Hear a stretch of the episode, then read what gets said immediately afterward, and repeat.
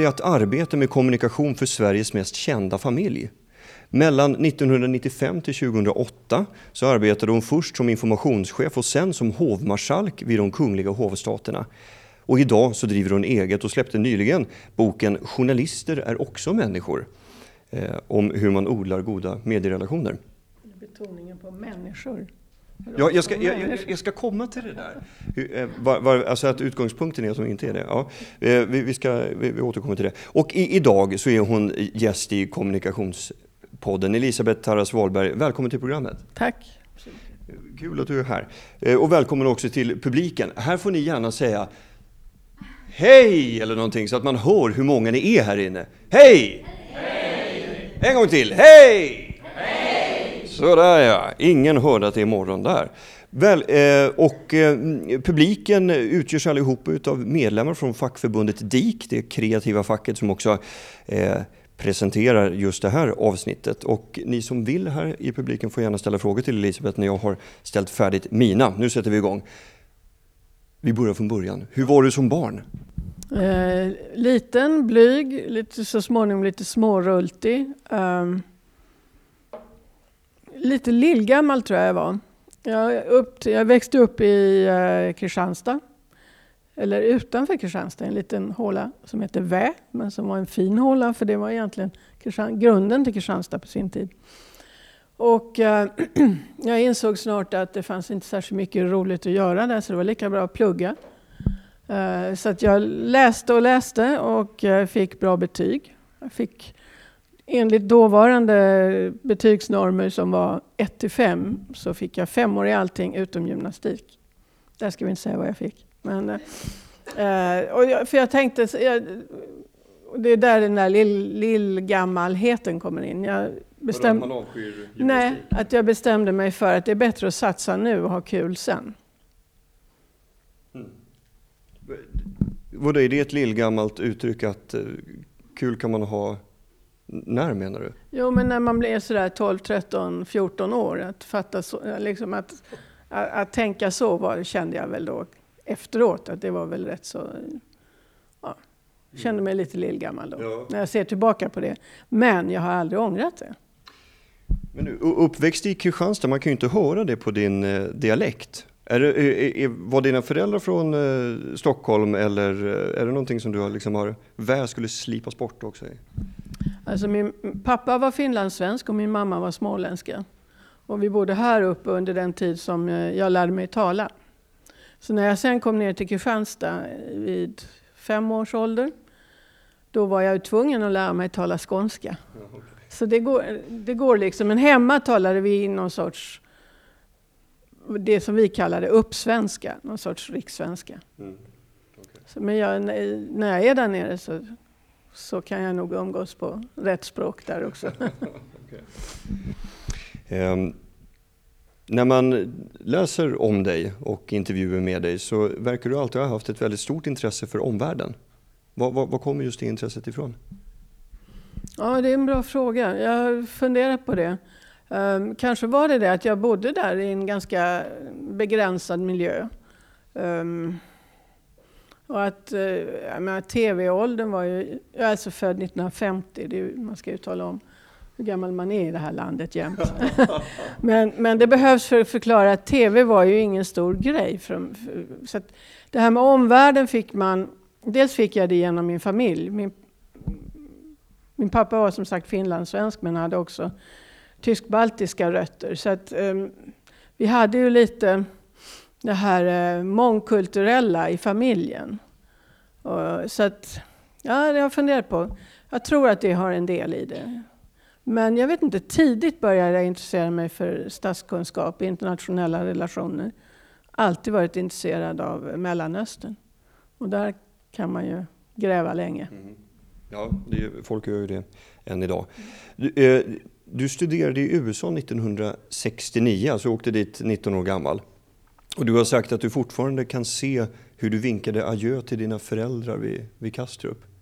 Vill du ta oss tillbaka till den situationen? Hur såg det ut? Ja, men jag skulle ju då åka ut i världen ensam. Och det var ju, på den tiden var det ju inte så att man hade mobiltelefoner. Utan de där samtalen hem, Det visste jag ju innan jag åkte. Jag hade ju, I och för sig hade jag rest, varit i Tyskland på somrarna, eh, bott i familjer och rest dit ensam eh, för att lära mig tyska då. Eh, men det var, ju, alltså det var ju inte samma grej att resa då, eller det var en mycket större sak att resa då. Gå upp för den där flygplanstrappan alldeles ensam och inte veta riktigt var jag skulle hamna. Jag visste ju liksom geografiskt vart jag skulle, men, men ehm, det var lite pirrigt. Och eftersom jag då hade varit väldigt mycket, säg familjeflicka, så kändes det lite hårt att lämna mamma, pappa och min lilla syster. Men, men där på Kastrup då, hur var det? Jag kommer inte ihåg om jag grät, men jag kommer ihåg att min mamma grät i alla fall. Man gick upp för den här flygplanstrappan och vände sig om och vinkade till dem. Um, det var ju, Kastrup var ju en, en, en, skugga av vad det är idag. Så att det, var, det var sentimentalt helt enkelt. Och, och om vi ändå eh, pratar om 1969, USA, vill, vill, du ta oss tillbaka till den tiden? Hur, hur var USA då, från ditt perspektiv? Uh, jag pluggade då på ett, ett uh, flickcollege, Women's College, i, på östkusten, i, mitt inne i staten Massachusetts. Och eh, hade i och för sig då rätt nära till Boston och rätt nära till New York. Och många av mina, mina kamrater kom ju från, från den delen av, ja, kom ju från storstäder. Och inte minst New York, vilket innebar att jag fick åka med dem hem ibland över helger och också Boston då. Och det som slog mig då, det är amerikanernas kunskaper om eh, resten av världen var ju rätt begränsad. Intresset var också rätt begränsat. Um, och lilla Sverige var känt för en sak, nämligen uh, pornografiska filmer. Uh, det var tiden för Nyfiken gul och Nyfiken blå. Och jag på något sätt, jag blev ju väldigt nationalistisk när jag eh, hörde den här kritiken mot Sverige. Så att jag var ju liksom, jag var, stod på barrikaderna mentalt och försvarade detta fantastiska land. Men, men, vad var det du behövde försvara? Alltså, blev du ofrivillig talesperson för, eh, för Nyfiken Gul eller hur såg det ut? Jag tyckte det var en orättvist, uh, orättvis bild av... av um, nej, det blev jag inte. Um, man ska lyssna på frågorna innan man hoppar in i svaren. Um, Står i boken va? Ja, ja nej, ja, precis. Den boken ja. ja nej men jag vet inte, de hade ju en väldigt begränsad kunskap om, som jag sa. Och, det var, jag tyckte jag kom från ett ganska fint land jämfört med USA. Jag trivdes jättebra, jag ska inte säga det. Det var ju, du frågade egentligen hur det var i USA, inte vad jag tyckte och kände. Utan det var ju också den tiden när um, vi hade en ockupation på uh, campus av de svarta tjejerna ockuperade um, uh, the switchboard, växeln. Mm. Och, och, det var väldigt, det var delvis ganska våldsamt. Nu var det här ett litet, ganska idylliskt college. Men uh, det var fighter där också. Alltså det var ju efterdyningarna 68-69 års uh, studentrevolt i, i Sverige. Och, jag menar, det var ju inte bara student, det var ju en politisk revolt som spred sig också till USA. Var hamnade du i det där då? Vilken, vilken roll intog du? Eh, åskådaren, diplomaten. Jag höll mig utanför det här. Och det la sig ganska snabbt. Det var inte, men det fanns ju spänningar naturligtvis. Um, som utländsk student, jag var ju där då och hade fått ett stipendium. Och de hade då um, ett stipendieprogram för utländska studenter. Så vi var väl en 12, 12 flickor som hade fått, från olika delar av världen som hade fått eh, de här stipendierna. Och, och, vi skulle ju då, tanken var ju just att vi skulle bibringa lite av våra kunskaper, våra länder. Vi fick laga svensk, eller jag fick laga svensk mat och man hade sådana här internationella kvällar. Eh, jag tänkte vi gör ett litet hopp. Mm. Det låter bra. Ja, vad härligt. Och mäta ner mellan 12 och 0 ungefär. Vi gör ett hopp på sju år. Från, från USA 69 till Stockholm 1976.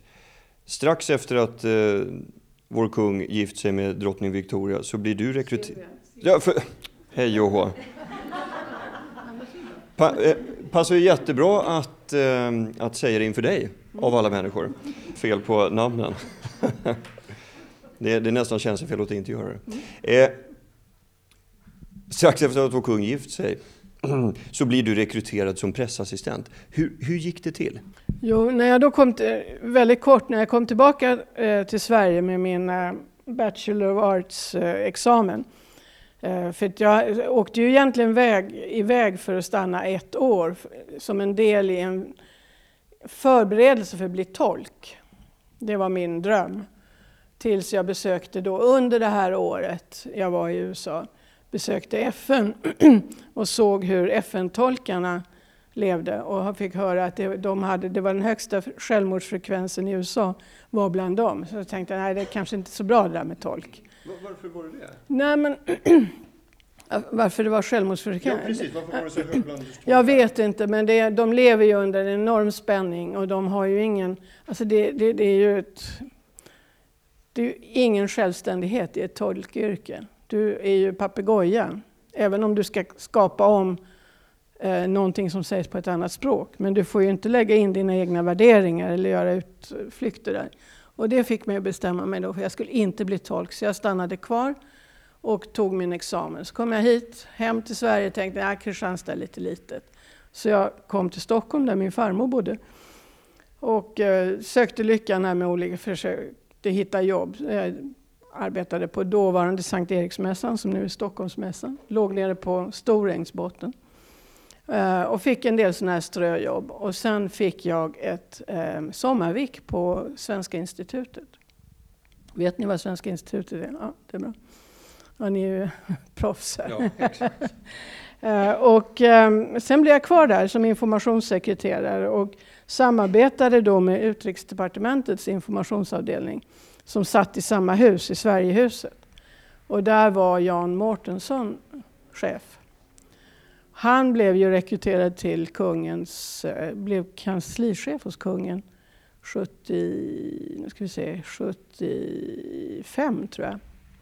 Så att när jag sen träffade honom på, jag hade inte sett honom, eh, så 1976 på Norrmalmstorg eh, i någon valrörelse där så stod han och lyssnade på ett valtal i september.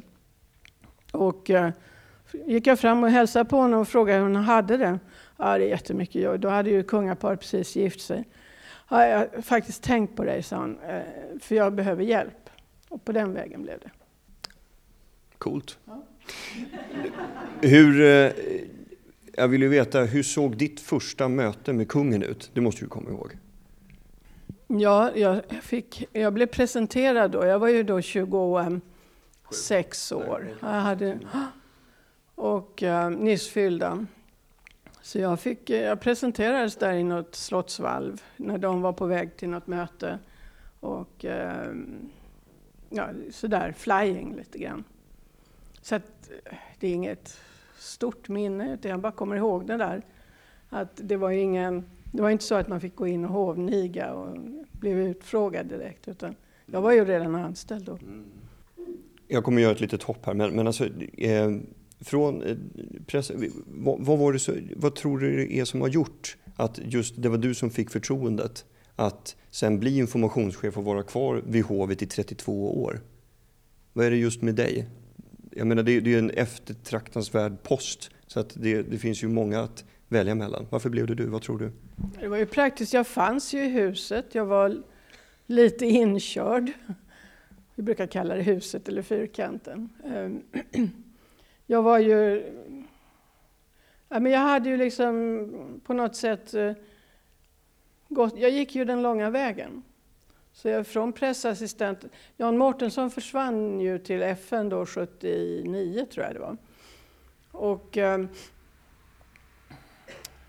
det kändes väl kanske, jag hade väl inte dabbat mig för mycket och eh, det kändes väl som om jag var någon att bygga på. Jag vet, jag vet faktiskt inte. Och jag hade, ja, som sagt, inte gjort bort mig. Mm. Än. ja, det finns ju lång tid kvar så att tillfällena finns ju fortfarande.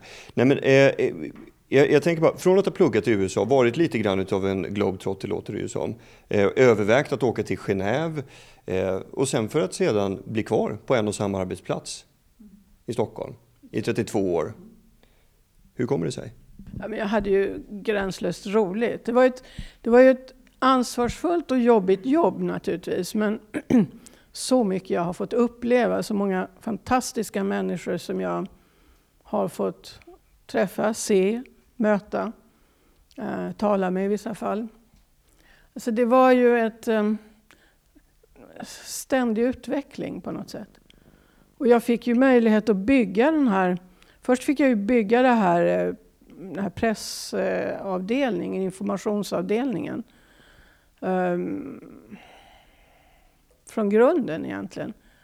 För att eh, under gamle kungens tid så då hade de ju ingen informatörsfunktion egentligen. De hade en, en eh, informationschef, eller vad han nu kunde heta, på skobranschrådet. Som hette han, Egnell hette han, jag kommer inte ihåg hans förnamn. Han kom några timmar i veckan och skalade av liksom såna här medieförfrågningar. Och de var väl inte alltför många heller på den tiden. Det fanns inte så många medier och en gammal fin gentleman. Så där, det var inte så där jättehäftigt uh, intresse kring honom från medierna tror jag. Uh, så att, och, och Jan Mårtensson han väl inte um, han blev chef för någonting, det grundades en liten, eller bildades en liten enhet som hette Hans Majestät Konungens kansli, som han blev chef för. Och i den ingick presskontakter, talskrivning, Ehm, att göra program, eh, alltså det här kallade utbildningsprogram för kungen och så småningom då drottningen. Så pressfunktionen var ju en liten del av, av det hela. Så att sen fick jag ju bygga upp då den här press och informationsavdelningen.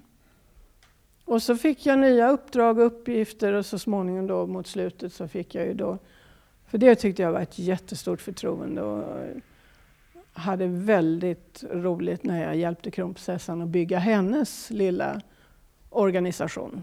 Hennes kansli, hennes hovstat. Mm. Som hovmarskalk då? Ja. Just det. Mm. Du har sagt angående din, din roll vid hovet. Följande har du sagt i en Aftonbladet-intervju för ett par år sedan. Citat, jag, jag, kände ibland att jag inte var jag. Att jag inte alltid var inbjuden till en middag för att jag ansågs kunna vara en kul och trevlig gäst. Utan för att jag representerade något som den som bjöd gärna ville komma i kontakt med via mig. Hur kändes det? Ja, jag vande mig så småningom. Det var ganska lätt att se vilka, vad, vad människor hade för um jag är ju intresserad av människor och då lär man sig rätt snart att se vad människor har för avsikt egentligen. Framförallt om de försöker spela någonting som de inte är. Det är rätt lätt att, och, ja, avslöja. Men eh, ja, det är klart att det, det var ju en del av jobbet på något sätt. Ibland var jag ju faktiskt bjuden för att jag var eh, informationschef eh, och inte för att jag var Elisabeth. Eh, och det, och det var ju, kände jag var ju helt naturligt, men det, det jag tyckte var lite jobbigt var ju de här som bjöd för, det var inte så många i och för sig gånger det inträffade, men det, då och då som, som utgav sig för att vilja liksom ha en personlig privat kontakt. Eh, och så var det egentligen någonting helt annat och det kröp ju ofta fram ganska snabbt. Boken om eh, kommunikation som du är aktuell med nu, journalister är också människor, blir din trettonde bok va, som du är antingen författare eller medförfattare till. Du har räknat, det har inte jag gjort. Ja, vil, vil, vil, vilket behov eh, såg du som fick dig att skriva boken?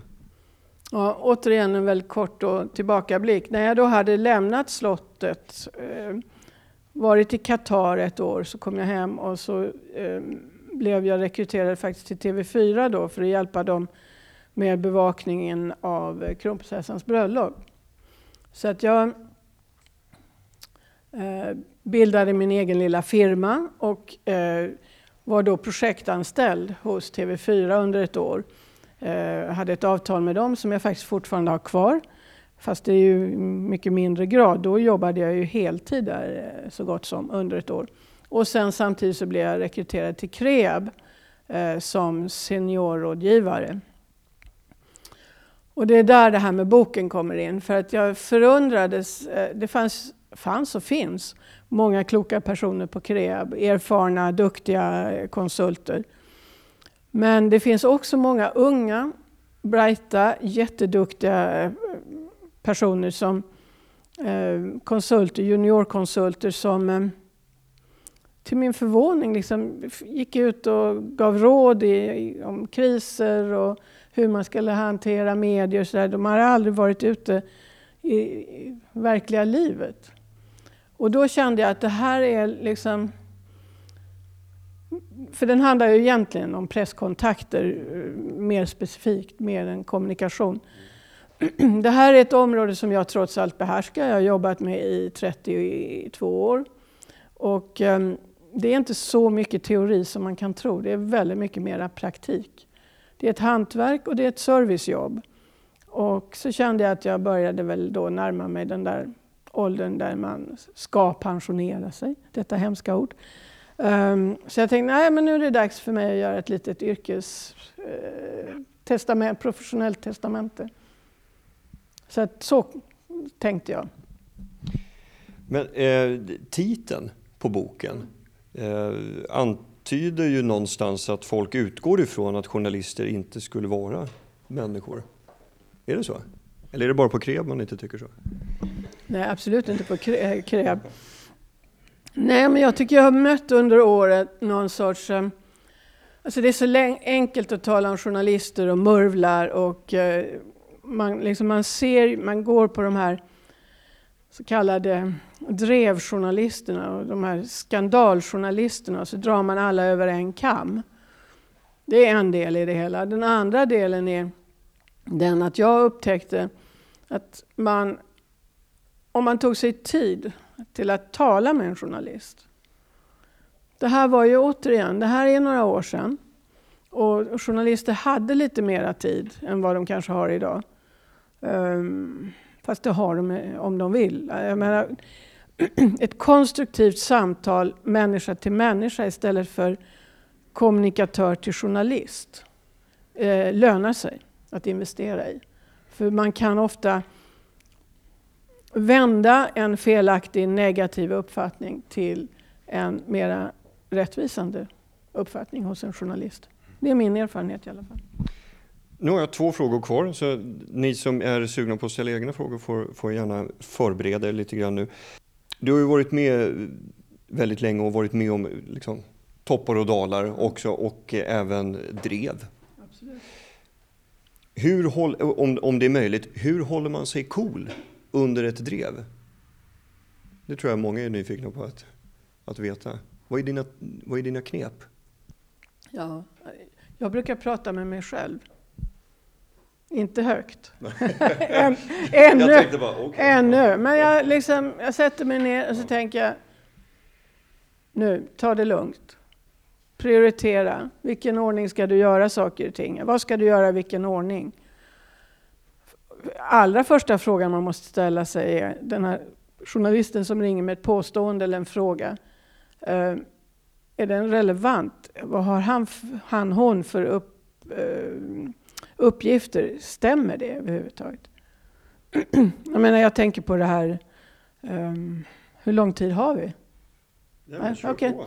Nej, men jag tänker på det här Brunei-krisen när kungaparet var på statsbesök där. Och eh, kungen uttryckte sig kanske lite småslarvigt om, om eh, Brunei som att det skulle vara en demokrati. Jag tror inte det var slarvigt, utan det var bara lite... Han var så inne i sin, vad han hade sett och lärt sig, så att han liksom missade några steg på vägen där för att förklara varför han tyckte det var demokratiskt. Men då kände jag att jag, vill in, jag kan inte sitta här hemma i, i Stockholm och uttala mig och kommentera det om jag inte vet vad han verkligen sa. Och jag ville veta varför han sa det. Så då måste man liksom gå till källan, man måste höra det från hästens mun innan. Eh, innan man går ut och kommenterar det. Och det var ju, då var det inte lätt att hålla sig faktiskt. Det var en jobbig sits för att det tog ju åtta timmar av olika anledningar innan jag fick tag på honom. Man satt på ett flygplan, mobiltelefonsnätet var inte på samma sätt utbyggt. Ehm, men då, jag vägrade att uttala mig, kommentera det innan jag hade hört från kungen vad han menade. Och det, det, kan, det har jag många gånger funderat på, var det rätt, var det inte rätt? Men jag har kommit fram till att det var rätt, för att då fick jag den här förklaringen som han, som han ändå hade till varför han Ordet demokrati var kanske inte riktigt rätt valt ord i det sammanhanget. Men, men varför han tyckte att... Eh, vänta, är han sultan där borta? Eller, ja, ja, ja, ja. Att, han, att han hade närhet till sin, sitt, sitt folk på ett annat sätt än många andra länder. Hur har kungen och eh, kungafamiljen varit att styra? Har du kunnat göra det och upprätta talepunkter, så här ska du säga? Och följer de det då? Nej, det var inte riktigt så vi jobbade. Det var nog mer att man förde en dialog, man pratade om, man pratade igenom intervjuer.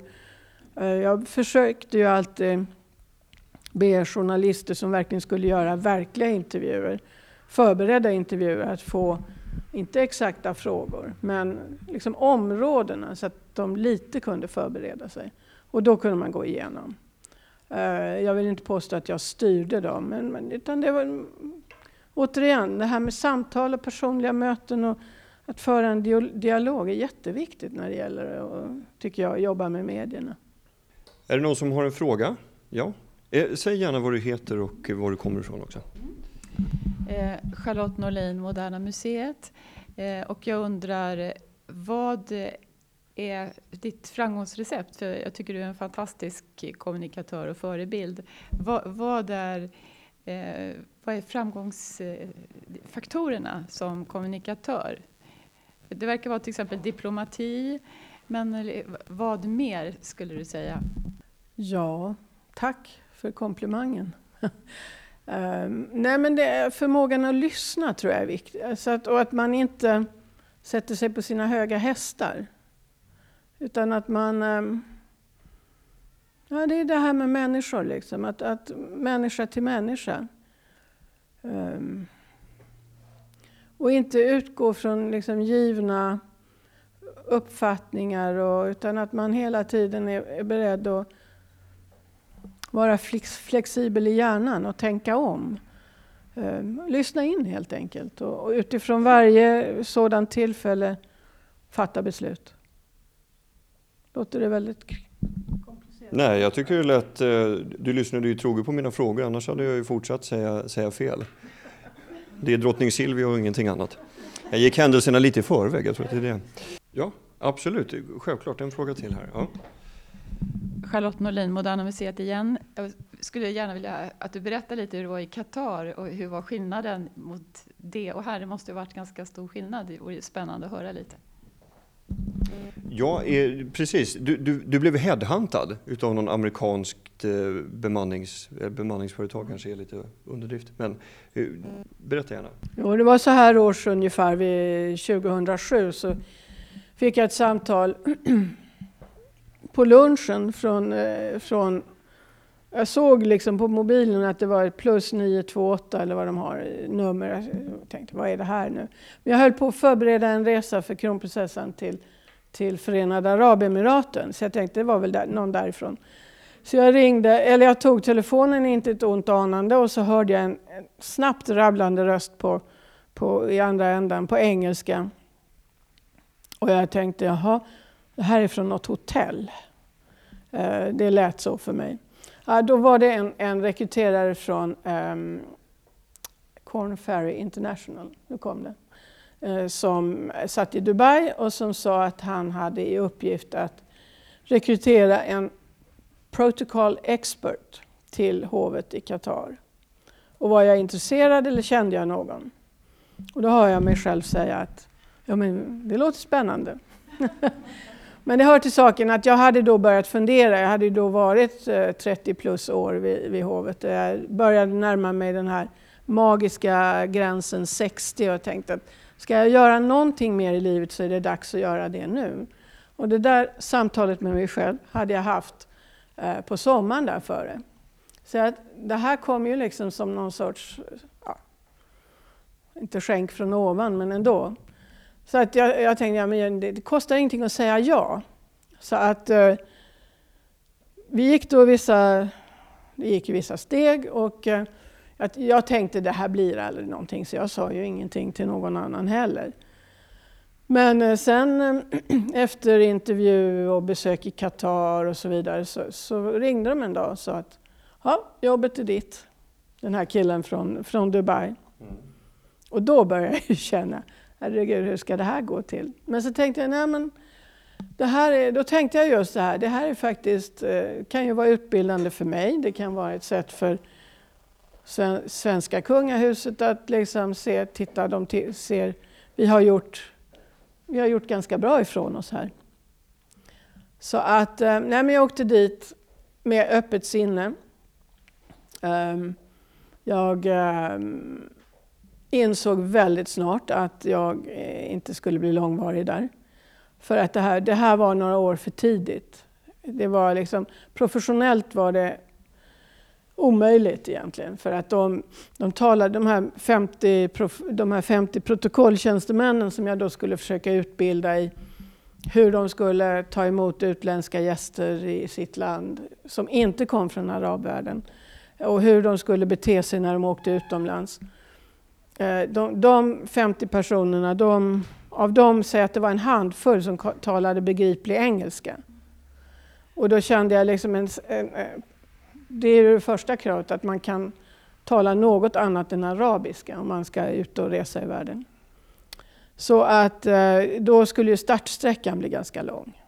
Så då tänkte jag att ja, antingen stannar jag här 6-7 år eller så stannar jag ett år och gör upp den här planen för hur de skulle kunna gå vidare och med min norska kollega. Då.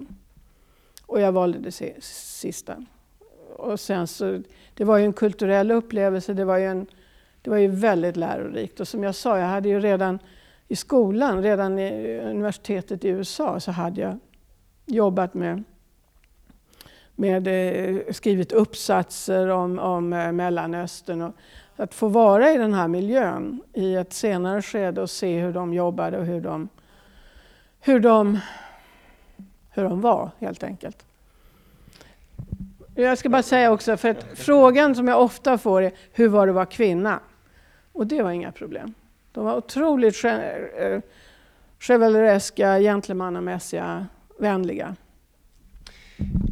Man kunde läsa i Resumé för några veckor sedan ett eh, personporträtt av en eh, reklammakare som eh, eh, jag vet inte om det var att han tröttnade på sitt jobb, men han slutade jobba i alla fall med reklam i i Sverige, eh, åkte till eh, USA, utbildade sig till att bli manusförfattare. och Det var han sen som skrev den här serien Boys om, om sina upplevelser från eh, 90-talets eh, Stockholm, tror jag att det var. Är det inte dags för dig att göra det också nu? Du har ju skrivit, du verkar vara en van författare. Ska du inte skriva en, en, en trevlig julkomedi kanske? Om en, en någon som har ett eh, långt förflutet på ett europeiskt kungahus och kommer ner och ska lära protokoll i arabvärlden. Skulle inte det vara en ganska härlig dramaturgisk båge? Tack för idén, jag ska tänka vidare. Om det inte var några fler frågor så eh, vill jag eh, tacka dig så mycket Elisabeth Harras Wahlberg. Stort tack för att du ville vara med i Kommunikationspodden. Tack.